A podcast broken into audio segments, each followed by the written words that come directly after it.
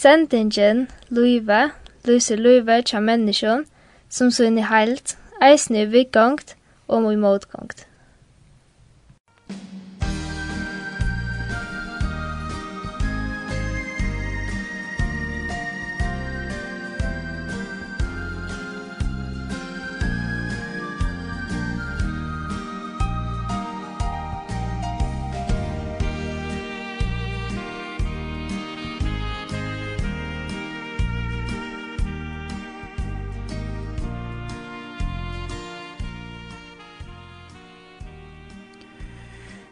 Gjester okkar i kvöld er Jóhannes Fonsdal fra Vestmanna. Jóhannes, velkommen. Takk fyrir.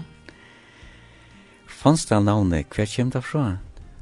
Ja, det kjemur i Vestmanna. Abbe min, han kallet for Johannes Olsen. Men så var det at det var snakk for Johannes Olsen. Det kom fløt jo i post og kvart av syna. Og til valgte han å få seg rett navn Fonsdal. Og navnet Fonsdal kjemur fra Vestmanna Tøy ånne som uh, vi nevner her norr for Fossa. Og tandelen her som Fossa er en omanjøkna til Fonsdaler. Vi som kjenner sin til Sev og så er her ta, ta første verset som ble bygd her som var se det var jo vattnur og ånne Fossa. Her er Fonsdaler er. Her heter sikkert haft nek gav spor oppe som unge dronker. Å oh, ja, vi tar gengur rundt allan fjøren. Tog jag at uh, Abbe han bygde um, husen i fjør. Han var jo bøndasåner av Heion og i Vestmanna. Og sinner av, av bøndan og der så finnes jo kvarst stykke part. Her med den hos Abbe finnes jeg stykje. Og bygde seg så en hus her inne i fjør og i 1908.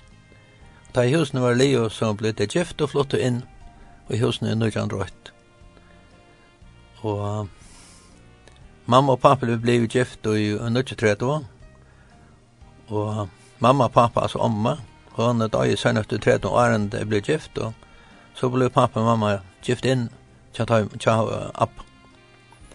Så mot bandans har jeg til inn i fjør i Vestmann. Og til her vi har spalt, så små dronjer her inne, og bøttene annars man kan umynda seg det er sikkert rettelig står mange av bøttene som er spalt ned i fjørene som er tog Ja, altså fjøren og det og fjøren tar det er jo nek brøtt Ekkelig nek brøtt det er nesten ikke det samme lukkna Ta var jo øver rundt om hvert hus og nesten hvert hus inni av fjøren hei kikv Så allen den bøver som här her var han var jo slien och og ha tjaur och av søgnen. Och og min og att så är vi her var för det mesta en kik var kvart tvär. Och jo det ut här var høner hönder och før var donner och gas. Och det var en appelöte med ta här en hund. Och hukte man rundt om om seg med færla langt om av fjøren så var det kan så var det 20 nekk för hus så som det är där. Och allt det som är nedanför här som färgelevan är och Vötleren är och Trollvirke är och västpack och Timberhandel, och kvarta av. Det var värst till då. Det var allt en stor fjøre, en stor sant. Och her hikket att etter gamle mynden, først nøkker du er tog in så så fast det mindre, er her spaltar fotboll og, og håndball inn i sanden her nere. Så det er jo, det er som var pappas aldri og det er som er eldre inne, i. Det er spalte bølt inne, inne i fjør, her nere i sanden. Så det var og stor sand? Ja, det var stor sand. Men så kommer det her, så færre folk av bytja og skulle bruka sand til uh, grunter og, og hus. Og Och när det här asfalt blev brukt till vägar och så vidare så blev ju sand lagt där vägen. Och det blev några sand brukt. Och det blev så köpt en sandbåt till Västmanna. Eh, alltid han kallade för främmad alltid. Och han eh, grav så sand inn etter han vei innan fjør. Han er rennet innan fjør han vei. Så etter det kom anker, anker større sandbåter og Det er så tvert om, han er imod lekstetverk, han lekst ned her som lekstetverk. Og ta minka i sanden halt på tøylet. Og at mine badnar kan jeg minnes det at bilen tøffar jo om han, det var en, en vever som ble gjørt fram ved stronten her, her inne i fjør. Ta nyere brikvann i, i fossan, og hun er jo gjørt ta søgnest og tretvann omkring her. Og så ble det gjort en vever fram vi, fram vi. og Og en av stedene her midt fyri, her ble gjort en sånn omankøyring, oman av sand. Så det ble sander tidsen av, av, av, av sanden her inne i fjør. Og i Rjavalen og tar Tanvein. Så det er en stormån som er flott her fra Vujare? Oi, ja, ja, en rikva. Og en rikva, altså. Og jeg synes så gjerne, men det er ikke bare til at, at, at køyre om han her, så ble Sander griven, og det er ikke alt han Sander som sambat han tog, han ble jo lagt opp av kajene her ute av Heianese.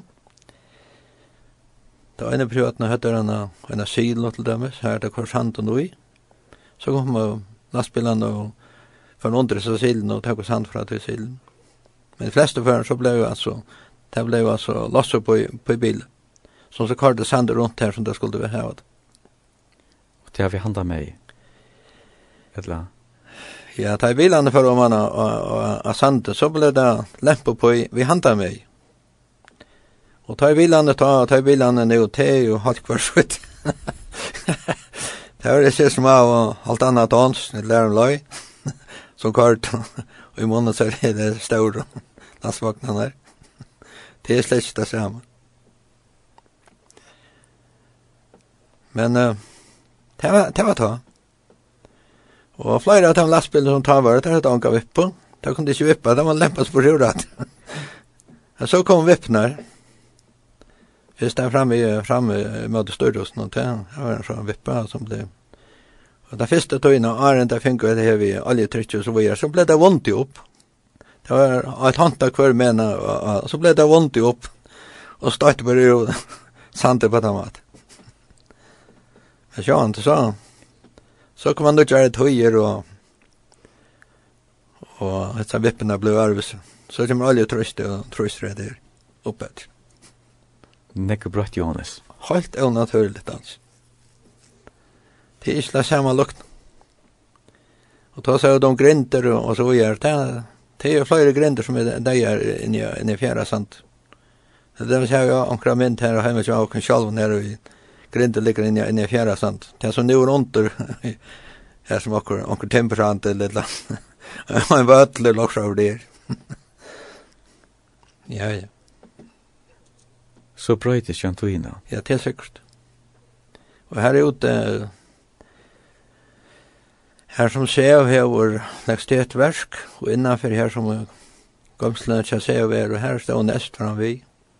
Og hver er neste her stå en bater, eller bare tvær. Akkurat nästa stod ångstan mitt för her. Her stod et varbat.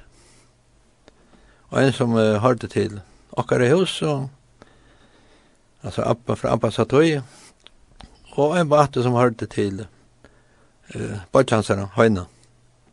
Det är ju og det som vi kallar Utchalvin. Til alt vekk. Alt er brøtt. Det kommer nutjan tøyer. Hik man det här så är det sev här en stor part som visar med det här. Ja, ja, ja, ja. Och för det här är så att det tog in att det här är ju Här var datter till rötterna av tjocken. Tjocken som sitter i himmelen av vår och mer. så hej upp en bodja och det tema så vara bodja till ålderdomen där tja tja. Han er jo røyka vi sjøvner, og hei nekva tankar sunn at Så enn av henne så spekulerer han på for å gjøre et eller annet, få lekstitet i, i Vestmannen. Men uh, det var det rørelse tøyer ta, og det var ikke vel tid.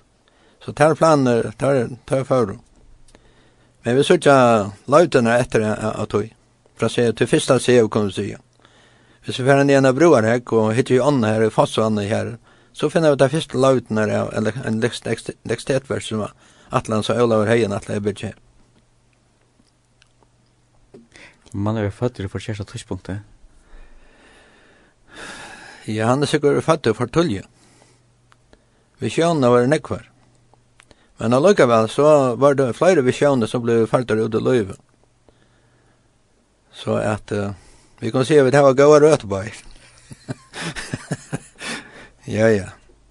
Men uh, det er så nekva, uh, jo jo, det er planer som er ferdig ut og omvarer så. Og en av bankene som er til her i fergen, det er jo fergebank. Og, og en av rådene til at fergebank i høvelig stansettet, det var jo Allar Heien. Han var jo vitla stående fergebank her i fergen. Og ta i vidt nå, sitte her ved, ved en sånn, og inne studion og en, en utvarpen, vi imeskon teknikker, så er det andre sånne teknikker ta, ta, ta døven.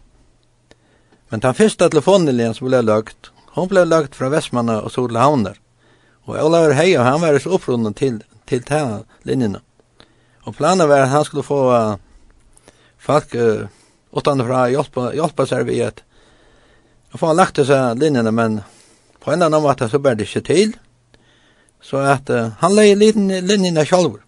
Fyrst fra Vestmann til Kvøvikar, fra Kvøvik uh, til uh, ja, Signabøl, Øyra Rønnsjongsan her, og her heian til han. Så vi kan se nekve bra, brøyt. Det var en 206 halta av Fyrsta linjan før, fondlinje. Det som jeg også sier om Johans, det er at ta og Olavur skal så flyta pelene nere fjøtlene. Det er fantastisk arbeid av å bare en pela. Ja. Flytta, han var hej ju nekväll samans. Ja, det gör jag. Det er det. Men så måste jag ha brukt de kraftene som vi vil till då. Det var inte via motorkraft och, og att det är sån där som har brukt det, där som har lagt det selvlinjer og så gjør det här. Hade motorer i minskonsläget, men det var inte motorer som så løs. Så det, blev, det var hester som blev brukt til det. Men pelene var ikke så unaturlig staurer. Men nekka så han det. linjen han skal jo jeg opp fra, fra hjørnet. Hvordan høyer helt du det av året? Minnes du til alle? Nei, det minnes det ikke akkurat. For at han der var en 5-8 meter og fra det. Det var ikke høy. Nei. Og fra det, 25 meter. Ja. Yeah. Så han det sender imes hver det snæg og hver linjen og gynns. Jeg husker om det er at pening skal skaffa til, planen skal leggjast, ja. og han skal utførast. Ja, det skal han. Og, og tegne lenger. Og tegne lenger, ja. Jo, han skaffa pening imsast han fra. Han var også engasjeret innenfor imest anna. Han var ikke røyere virksom og kvart av svinn. Så nekka pening sikkert kommet han ved i nøysen. Men uh, nekka pinnig her han pinnig for ørnøys. Er det har hjulpet til. Hei han bata reist, ne?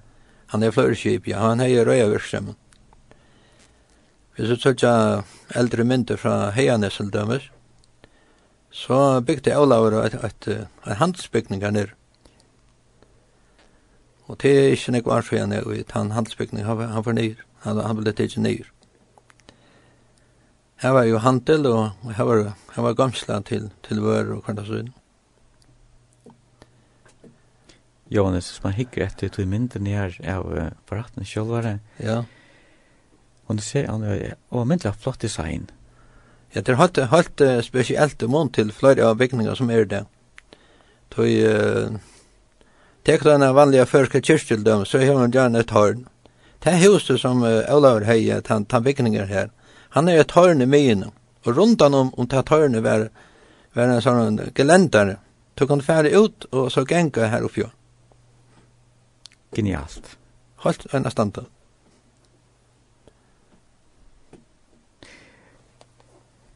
Det er spørsmål som jeg var nere 24 for som pratar med Janne. Ja, det er vævlet. Han er så utrolig han visjoner. Ja, det er høyet. I aller høyeste grad, altså. Men, uh, Vi kan takka Kibasminna til dømes. Han var grunnleggjaren til at Kibasminna ble gjørt i Vestmann. Og hekket du av Kjaldrun, jeg meinte sender 800 og 85 halder. 55 til 895.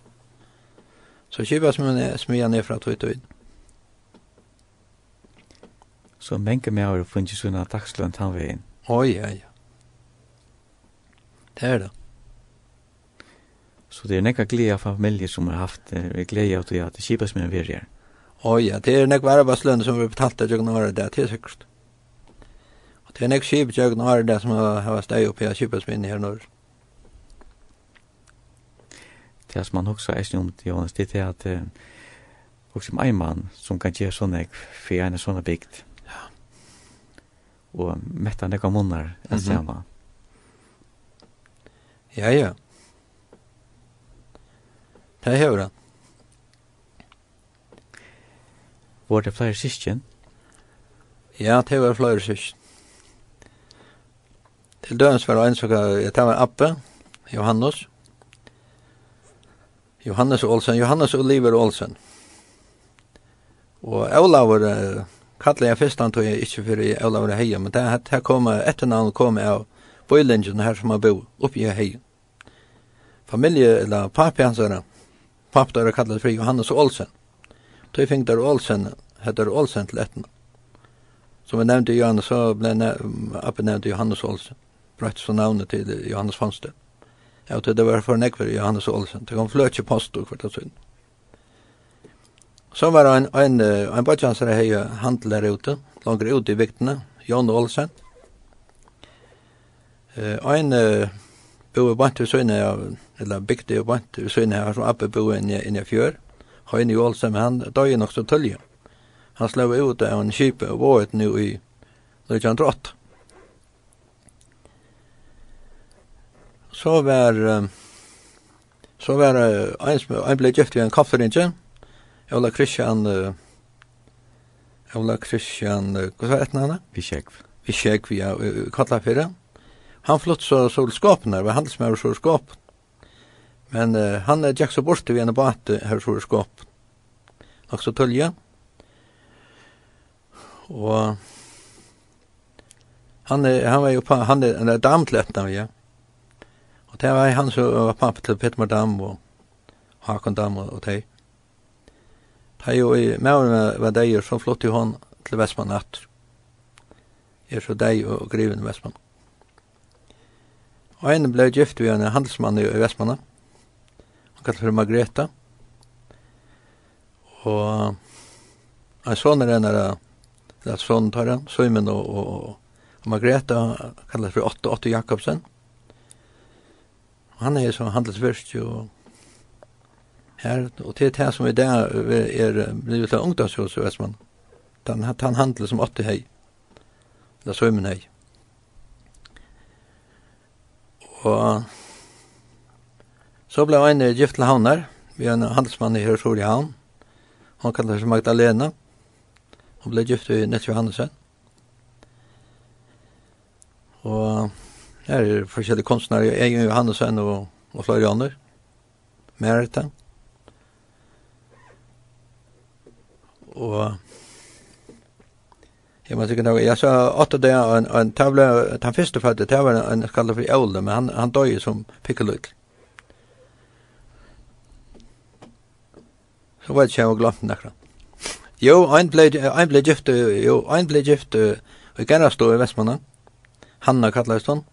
Hon blöd gift en bønta Jan Paul och Gerastå. Och ein blöd gift til Kvalvågar Elsa kallast hon. Eisen vi en bønda i, i Knakk, no, i, i, i Kvalvik. Jesus,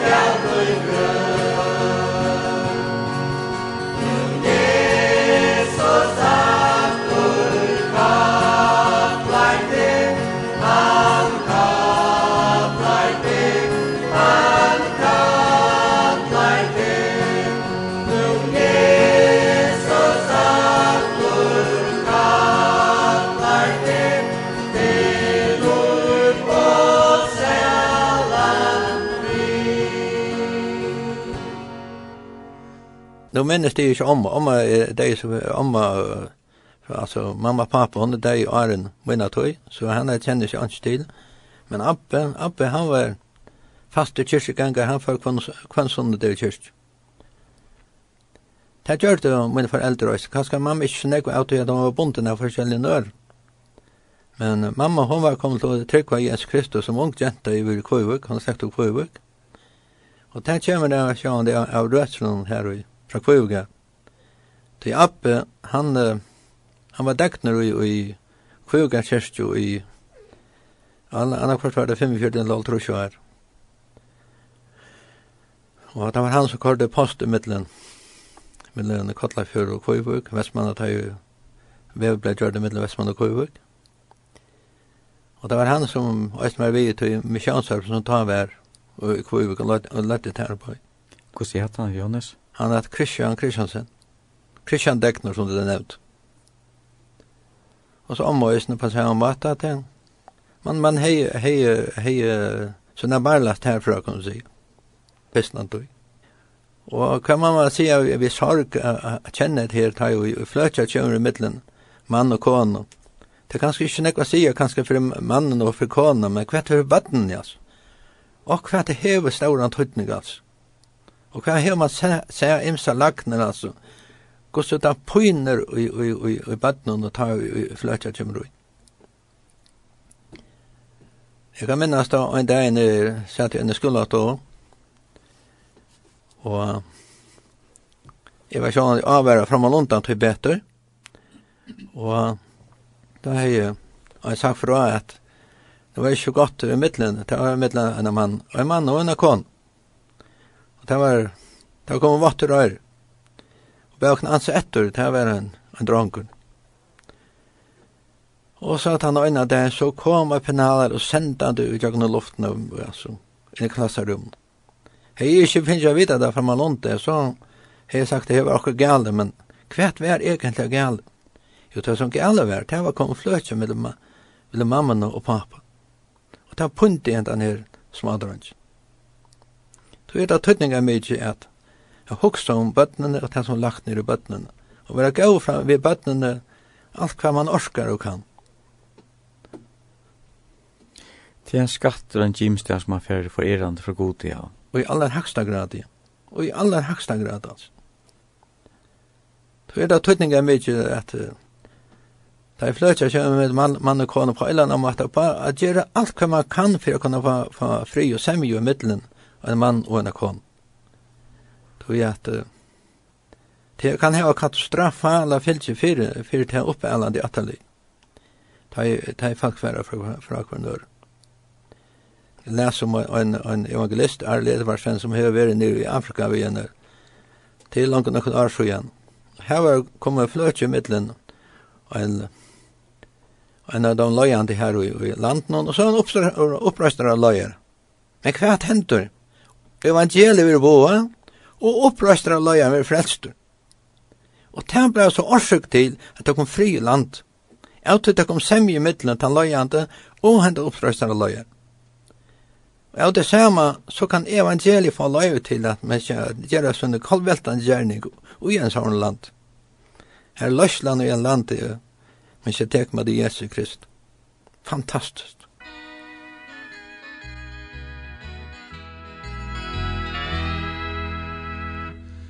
Frälsaren är så till oja Till i mera Golgata.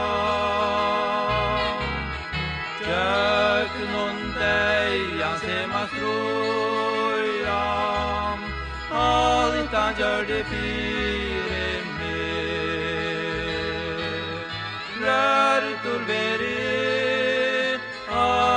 skal min Djeva honom heilt mot hjem. Og tjemme nu vi krossin. Takk og fire Golgata. Ta Jesus, djevla og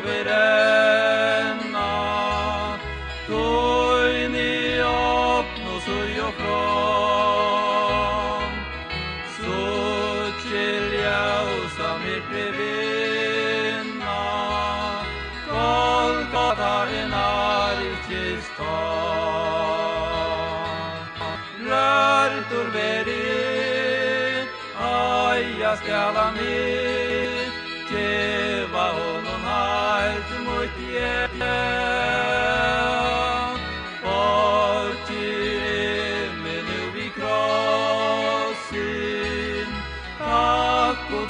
Golgata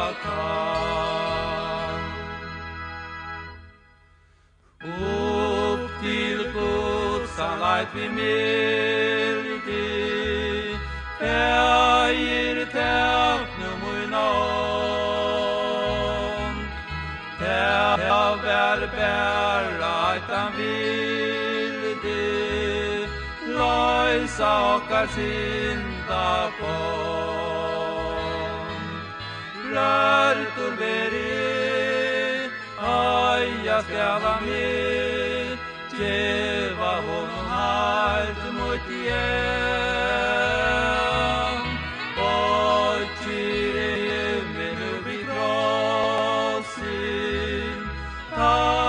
fyre Golgata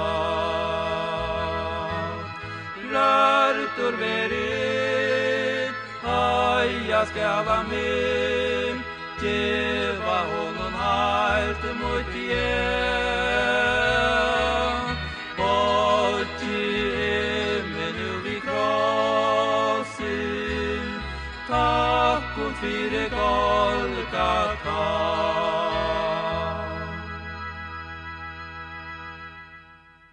Gjesten jokken kveld er Johannes Fonsdal, lærare i Vestmanna. Johannes, du lærare lærare som er tog? Ja, til langt kjøttene går så. Jeg var en lærerskola i januar måned i tvei trus. Det var akkurat da ble en nødt kjipan som var lærer utbyggvinnskina. Og at jeg lever i, i seks trus. Det er første tror jeg er fra seks trus til nødt trus var i Sorøvaje. Ja Og fra nødje trus til uh, fem, tveim laren siden, så er vi i Vestbanen. Hva er tomt så Sjorsen? Altså, mer tomt vel. Du, sjåan til tenne teifa i misjonsviker og sarder her sore, så er det gos tøy om kvarvna, så stola det unaturlig vel kvarvnør. Er det den døren som misjonsviker så er det i Vailand, så lette det møttene nye er en bygtene så er det, og rett og sønne hjalp i hånd. Jeg må kjønnsøke kvalp dømes, så jeg så færre alle kvalpene. Han tog var, var ekvel interessant. Uh, ta en i prioten ta i var her sover, ta var Kjartan Varskur, han var präst så ju var jo, vi røste sammen og helde møter og i Sorja løyte, Sumpa, familjen og ymsestan. Det var interessant. Og men jeg var her så var det ta, det hei vi er skjøldelig fra man unta. og så var, kom tankar opp hva vi har fått til skjøldelig oppa til stand. Ta en ferd, det halt at vi skjøldelig ned rundt, og vi mener at det er til så fortsatt så igjen. Det er så tar vi vær ta vi. Kvært tjei åttrus angsten hjemlag. Det var interessant verd. Men uh, vi blev gift och och och tjejer trus. Hon kom så svårt ta. Och det som jag och han var så mycket när jag ut i att och hon var så att vi var han var hon var och kanske kom i kontakt med såna till en folk som så lös med allt nöker. Det vi hade visserligen vi köpte vi vi grannar och folk här så. Det måste jag säga. Det var onaturligt att bli förekommande. Og særlig at de som vi bor sammen vi her, da bor ut uh, i de åsagare. Og der uh, benka på tjockvärderar. og hadde virkelig godt sammen. Ja, ja. Døylig vi i altså. Det ser ut, jeg vil se ryk tog sore. Ja, ja, ja, det var det. Det var det, avgjort. Og det er kanskje imsa, imsa hendigar som uh, standa fast om mine minne. Her mittlen var en hending, vi tatt en period, jeg og Karl, ta ta første året, så hadde vi uh, ungdomsmøter i Meinestrødsen Nihal, nå i, i i Soruvai. Jeg minns jo det var den første veten, den neste veten. Det var snart den første. Og var i tjejetrus, da var, det var sånn og fria litt, og gjerreskapene, så var i Vai og Porsker og Hermløy. Så... Tann så hadde det et utom en et ungdomsmøt. Og jeg kan minnes det at han øyne kvinna som hei hei en andakt akkurat her kvaldet her var Edith Mikkelsen, hun hei andakt. Og så sunk vi den sang. Og han handla i nett just om det her altså. Om jærskartene som skrittjust. Og just ta vi sunga handa sangen, akkurat her ørenden, ta vær og er rabalder, altså. Det lukka som falte det at, at Herren mest, eller, eller gav til kjennar, just det som stod skrivet i sangen. Halt det nesten andan. Det er jo fantastisk, jo. Ja, det er fantastisk. Nu har jeg ikke den men, men uh, Det var en sang i halte han stod i til gamla bøy som ta som han var stod som var ett om alt, ja. Han var nok, nok så lenge, det var tre eller fjore ørent. Fantastiskt alltså. Så det sånn kan herren poängtera på imiska matar, alltså imiska händigar og lov.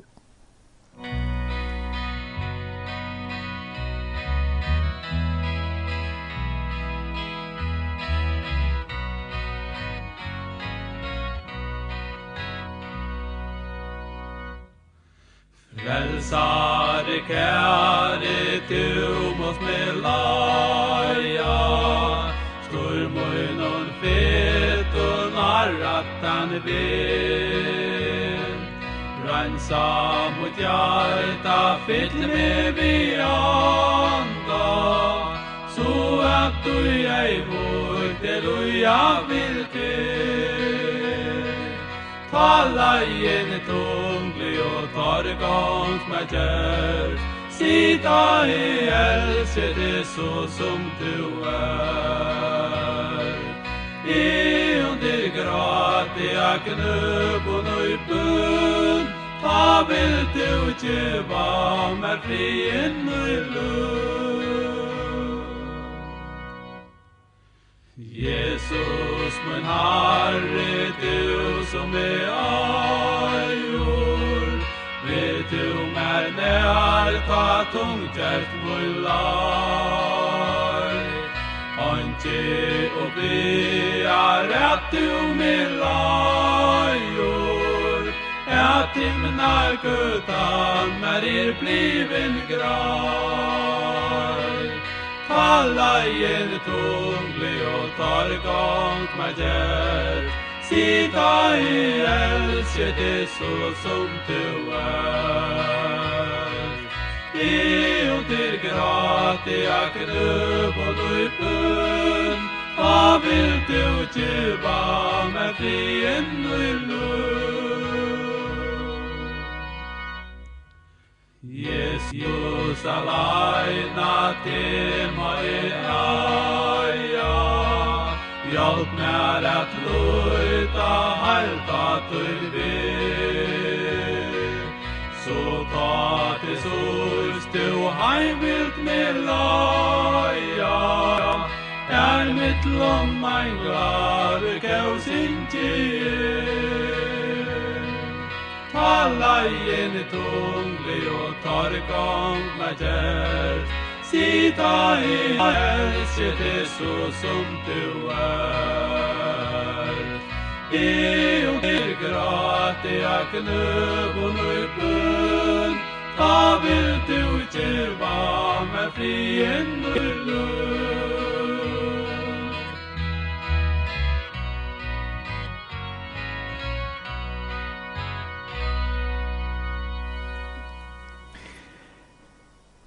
Her i Vestmanna Men Nikolina hei jo noe på som passer i sønner tog. Ja, altså, Nikolina Høygård Simonsen, eller Nikon Hikkana og Høygar som hun kallet eist, hun var slekt ur Ridevik, og jeg finner jo kall til at arbeida middelbøtt.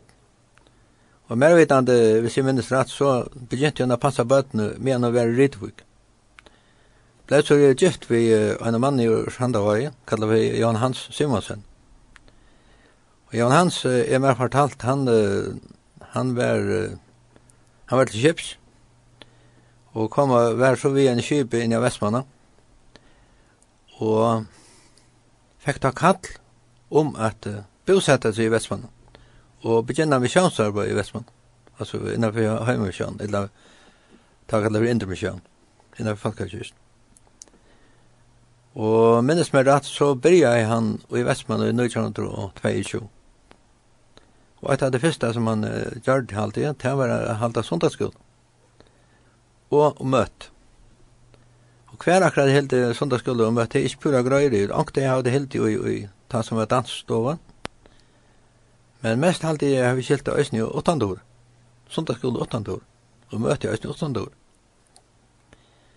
Men det har så bygd seg et heim. Uh, det stender i misjons hos Vestmann, og det er innvoja i, i novembermann og i 1920. Vi så inn i misjons hos stender det. Her stod åttanfyren, og et, et hus, Det var det som var blei til Badnaheim. Og her heier så Nikolina så i Badnaheim, vi Badnaheim, imsa standa fra oss i fyrjen. Og hjalte det, hjalte det. Det er bo så her. Og til Badnaheim var serverende i Vestmanna til en av mitt i alt altrusen, ja, det er 5-6 altrusen, da ble det flott til havner. Så igjen er det, så vi Badnaheim var i Storjahavn. Men Nick Lena var så den första som som sett det här stå. Hon har gjort ett fantastiskt arbete. Helt en standard. Det där var bara är alltid ankren i mitten som som trängt till hjälp. Det vill så väl. Och så spänner kvar kvar kan jag finna en gåan till och hon gjorde ett fantastiskt arbete till att hjälpa dem alltså. På hemska mat alltså. Det gjorde det. Mer fortalte at uh, bøtene som har vært oppe i ser man vi Nikoline, sånn at vi til nekk og mennesker som eisen passer bøtene de har vært i badnemmen, de uh, venter hjemme etter, uh, ta jo vært her hjemme, og ta det blir vaksen, for ut, ta kom det nye at badnemmen, er helst på Nikoline, vi tøk sånn heita. Jo, jo, og ta det å ta seg vi, vi falt som har vært i badnemmen, det går så Nikoline sa tog. Uh, det kan nevna ikke som en tante eller om, liksom, men det kan nevna som sin mamma. Så hon er liksom veri i mammas det. Og hva tøytninga i mamma hever fri på det er vidar vid altså. Hon er en fantastisk at det var en tøytning, det som en mamma kan gjøre seg på. Og ta en sånn kvinna kan komme i mammas det, ta han må si at det er det gavun hånd, og bøttene føler det at at det er kommet til en som er, liksom, er mamma og kan hjelpe dem på seg om at som er mamma. Hun har fantastisk og størst hjerte for henne. Hun Hon nesten da det, ja. Det er sikkert. Hun fikk ståre oppakning från mannen og neisene. Ja, ja, ja. De arbeidet, de arbeidet, de var sammen om etter, er meg fortalt, altså. Ja, annars var det sjön folk som som kom era stand från som bäj alltså kom folk från Västman och era stande från hjälpa till alltså var arbetskonder och, och arbetsfolk här arbetade hem. Det där kan inte klara ensam att det här var ju annars som måtte göra att han hjälpa till hånd. Och några tajmer som eh, som är har varit här blev så gift i Västman att han tar vi David. Det är en stående, sån stående där så hävdar det andra en tydning på himmelska mat. Så at, uh, jo jo, jeg er veldig arbeid. Ta Nikolina starta jeg sort ei badnaheim. Man kan fyrstilla seg at hun til å give nek ut av sin egna lomma og at hun for den første omferna. Ja, det har vi skilt, altså. Megin parten har vi vært fra dem sjálf, altså. Det har vi ikke vært så røyka tøyer på, på og, det har vært sjálf det en tøyer her og, og ikke vært så gøy omstøvd. Så det var fra, fra Tommy Kjolum fra Gåen Falsken som, som gav dem mektig kveld, altså. Det var godt hvert fall nek god folk som de sier Ja, det er sikkert. Det er sikkert. Avgjørt. Hon er sjá at hevur eisini gevið damuna. Gevið damuna nakka gott og jat. Hon er jo slekt hon var slekt av Ridvik og finn jo gott beinene fra sine farfedrar. Og jeg vet at hun hatt Jesus som, som personlig frelser nok så tullig i tøyene. Så hun er samstående som en liksom være mamma for jeg sier meg som, som er kommet av vattnet, så hun gir ut av henne noe godt. Og, i bøyene, ja, så tar det kjem til det andre Og hon er, hon er, altså han som gjør det til at en misjonshuset ble bygd her i Vestmann, det var, det var med Johan Hans Simonsen. Og han fikk seg hjelp fra, fra Gåenfeldt kjær i Vestmanna til å bygge huset.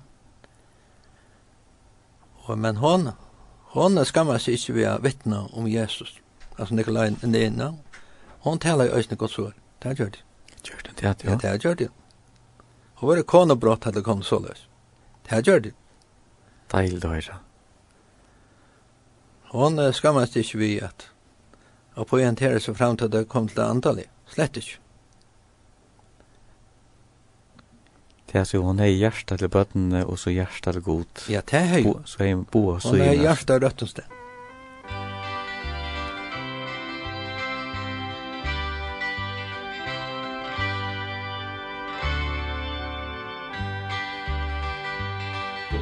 Sinta vegi vil til laia Kæra sons loja lefar ti og mig så vävoren nu upp och ner till rajar Varar synder atlar Jesus skauga sin Och i salarna till Jesus stugans lajtar Bera fram allt anten annar kylja man. Aina Jesus hjärta frien ter kan vajta. Bertja hon og fyri tjuvin på askan.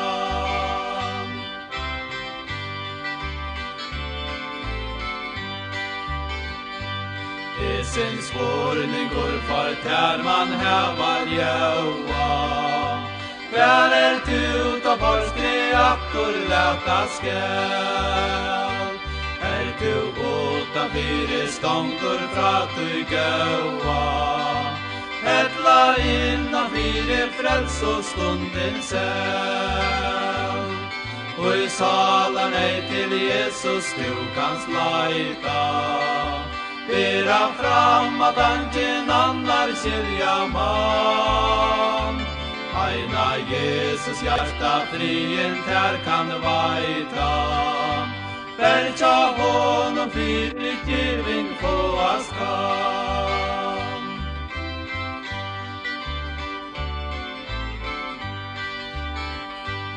Här skall standa skjuter skall det vikos runo Ransa vår lamsins styra bära blöv Reina ter och när vi får i oss bruno. Kom och vela vera vi och i himna tjöv Och i salarna till Jesus du kan Bera fram at antin annar kyrja man Aina Jesus hjärta frien tär kan vaita, Bertja hon og fyri tjuvin på askan Bertja hon og fyri tjuvin på askan Jonas, hjertelig takk for at du kom til å være helt ommetelig interessant og gjevande at sitte i lust etter. Samleis takk.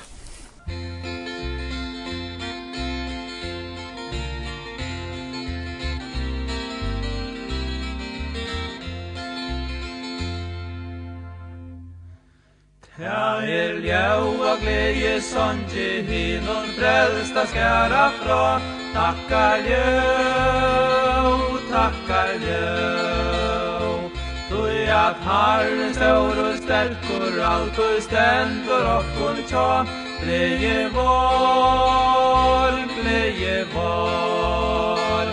Jesus sei at hver fullgjør syndar under djeva fri Frels og verki hevor fullført muna syndat alde vi Jesus Krist Jesus Krist Frälsa vill och djeva fri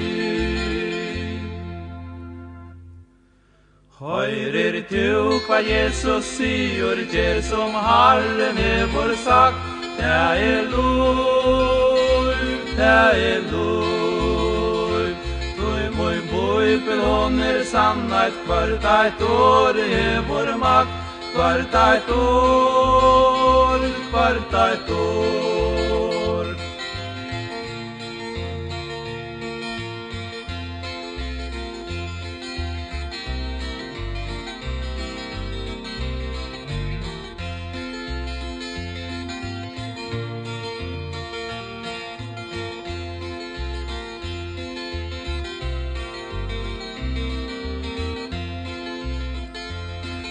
så atle vois men sia skriften sis jur ikkje satt.